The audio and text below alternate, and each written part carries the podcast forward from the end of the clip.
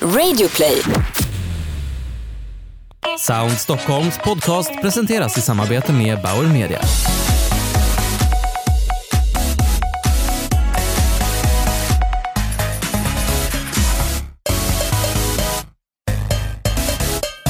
Välkommen till en podd där vi tar reda på hur ljud påverkar oss människor och hur varumärken kan använda ljud och ny teknik för att uppnå sina kommunikativa mål. Jag heter Thomas Nilsson och jobbar som reporter på Resumé. Just nu sitter jag i Bauer Medias studio på Resumés heldagsevent Sound Stockholm. Idag ska vi prata med några av Sveriges främsta experter inom ljud. Halebop har den senaste tiden lanserat, gjort ett rejält omtag vad gäller sin kommunikation. Man har lanserat ett nytt reklamkoncept och en grafisk profil. Dessutom så har man också valt att ta fram en ny ljudstrategi tillsammans med musikbyrån Ology och reklambyrån Perfect Foods. Med oss för att prata lite grann om det här idag har vi Hanna Myling, Marketing Manager på Halebop.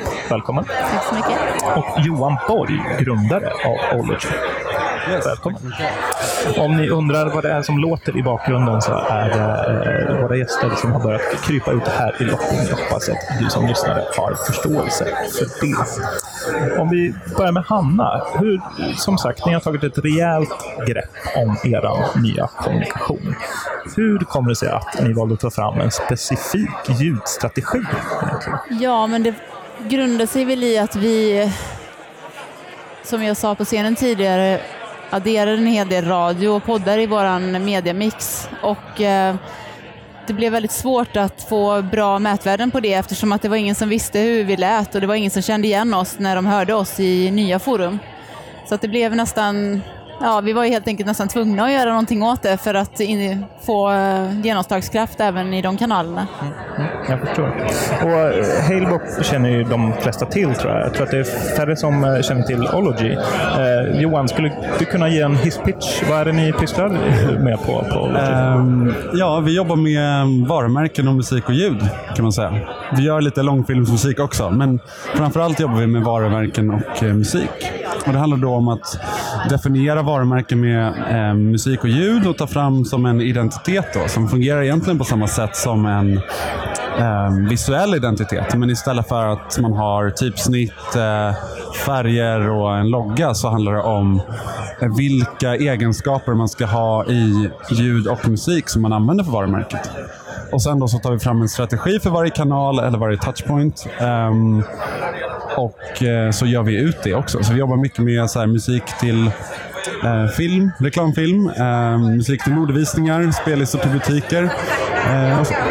Varför skulle ni säga befinner vi oss i en ljudrevolution just nu? Varför pratar alla om ljud? Jag vänder mig till Hanna först. Men jag vet inte, jag tror att man... Det blir ju en naturlig del i, i de nya forumen och kanalerna som, vi, som man befinner sig i, som vi pratar om radio och poddar som är mycket viktigt för oss som vill nå den yngre målgruppen också, att det är där de är och då behöver man nog koppla på ljudet för att det ska bli eh, ja, en tydligare koppling till varumärket. Ja, men det är väl det här med att eh, ljud blir viktigare och viktigare. Alltså eh, marknadsföring där man inte ser en bild eller en film utan att man bara hörs. Och eh, det tycker ju vi är en så här intressant utveckling det här med att Alltså för må- många år sedan, för typ tio år sedan, så var så här det var alltid en så här slinga som var exakt likadan. Man skulle ha, ha den på allting och den trycktes alltid in på packshoten. Eh, och jag tror att nu börjar fler och fler eh, få upp ögonen för en så här modernare approach till det där. Där man eh, skapar igenkänning med fler parametrar och att det finns en, eh, en flexibilitet i det man tar fram. För att ja, det, olika, man har ju olika budskap för olika tillfällen och eh, man måste kunna anpassa såklart ljudet och musiken efter kontexten. Hanna, tror du att fler varumärken skulle må bra av att ta fram en specifik ljudstrategi som, som ni har valt ut? Ja, absolut. Det känns ju som att vi har vunnit väldigt mycket på att göra det och det skapar ju en, en igenkänning på en ny nivå. Så att jag tror att, som eh, Johan säger, att det ökar i betydelse hela tiden och att eh, fler och fler kommer liksom haka på det här framöver. För tidigare var det också så här, det var ju verkligen att alla hade samma ljud hela tiden och man verkligen starkt förknippade det med varumärket. Men sen har det dalat ner och nu har man liksom börjat på nästa nivå. Så jag tror absolut att det är något som bara kommer att öka. Har resultatet från er, ditt nya kommunikationskoncept eh, levt upp till förväntningarna gällande reklammedier? Ja, men absolut, det tycker vi att det har. Vi har väldigt fina resultat. Sen har vi inte separat bara mätt ljudet just än så länge. Så att, men eh, på totalen så ser det väldigt bra ut, så vi är jättenöjda.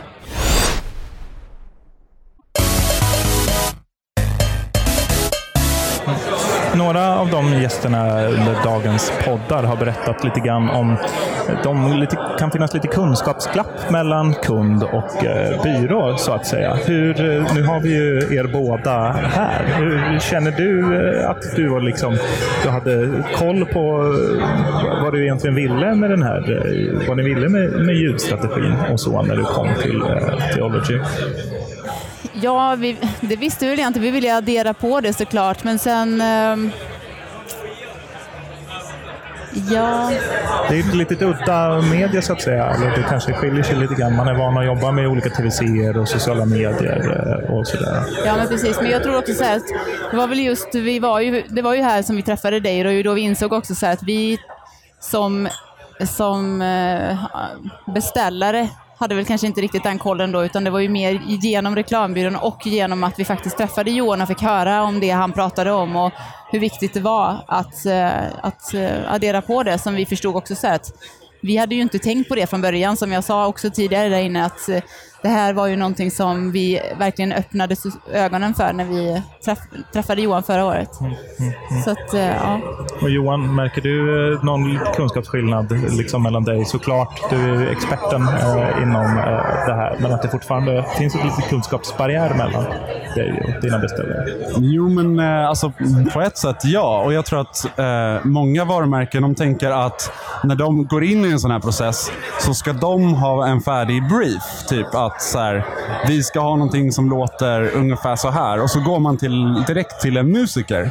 Eh, och där är ju våran roll att vi är liksom länken mellan i den kedjan där vi bara säger, ja, men, eh, visa oss ert så brand DNA, er varumärkesplattform, så tar vi tillsammans fram en brief eh, som vi sen ger till en musiker som vi jobbar med. Eh, och att jag tror den länken i kedjan är väldigt viktig, för annars så får man en jingel. Eh, ja, men precis. Jag tror att det är nog mycket den uppfattningen som man har från vårat håll också, så här, innan vi gick in i det här, att man lämnar, man lämnar en brief och så, och så får man en palett av olika typer av ljud. Här kan ni välja mellan tio ljud. Vilket ljud vill ni ha? Men här var det verkligen så att man skapade någonting utifrån våra förutsättningar och vårt varumärke och det som var viktigt för det. Det blev väldigt tydligt också när ni presenterade det första ja, men, urvalet av ljud, för vi, det var liksom det som vi behöll sen. Det var så rätt för att vi hade jobbat just så mycket med briefen från början. Så att... vad, vad, skulle du säga från, från Heybops sida? Vad har, ni, vad har du lärt er eh, genom att ha gått igenom det här projektet? Vad tar du med dig eh, vidare i, i karriären? Nej, men jag tar absolut med mig att eh, det är jätteviktigt att vi har gjort det här och, och själva ljudidentiteten kommer vara en så stor del av vårt varumärke nu framöver.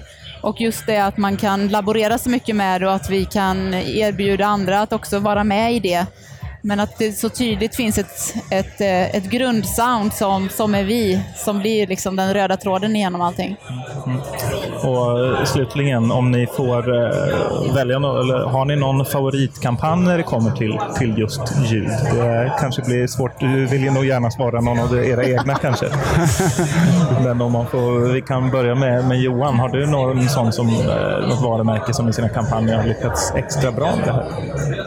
Ja, det blir väldigt svårt att svara på det nu, för man vill ju bara säga det som vi har jobbat med um, såklart. Uh, men om jag ska säga någonting om, eh, som jag gillar med de här eh, Halebop-kampanjen då, så är det just den här grejen man ser, man ser. Man ser grafiken och hör ljudet och det är Eh, It makes sense. Liksom. Det kommer från samma ställe. Man ser att det är samma universum när man hör det och ser det. och Det är det tycker jag som är så ganska nördig med det här är väldigt, väldigt Eh, väldigt fint. Men Jag vet inte, jag tycker, jag tycker det är svårt därför att det är väldigt lätt att fastna tillbaka i så som ljuden var innan och vi pratade om det tidigare att liksom förr om åren så var det, då hade man en och samma jingel som, som verkligen så här, man körde år ut och år in och det är ju såklart, det är de nästan man kommer att tänka på först för det är de som har satt sig så långt bak. Så jag, nej men jag hoppas att fler kommer hoppa på det här nya med att liksom anpassa nytt ljud efter sitt varumärke. Det hoppas vi också. Tack så jättemycket Hanna Mygling, marketing manager på Halebop och Johan Borg, grundare av Ology. Tack så mycket. Tack så mycket. Tack så mycket.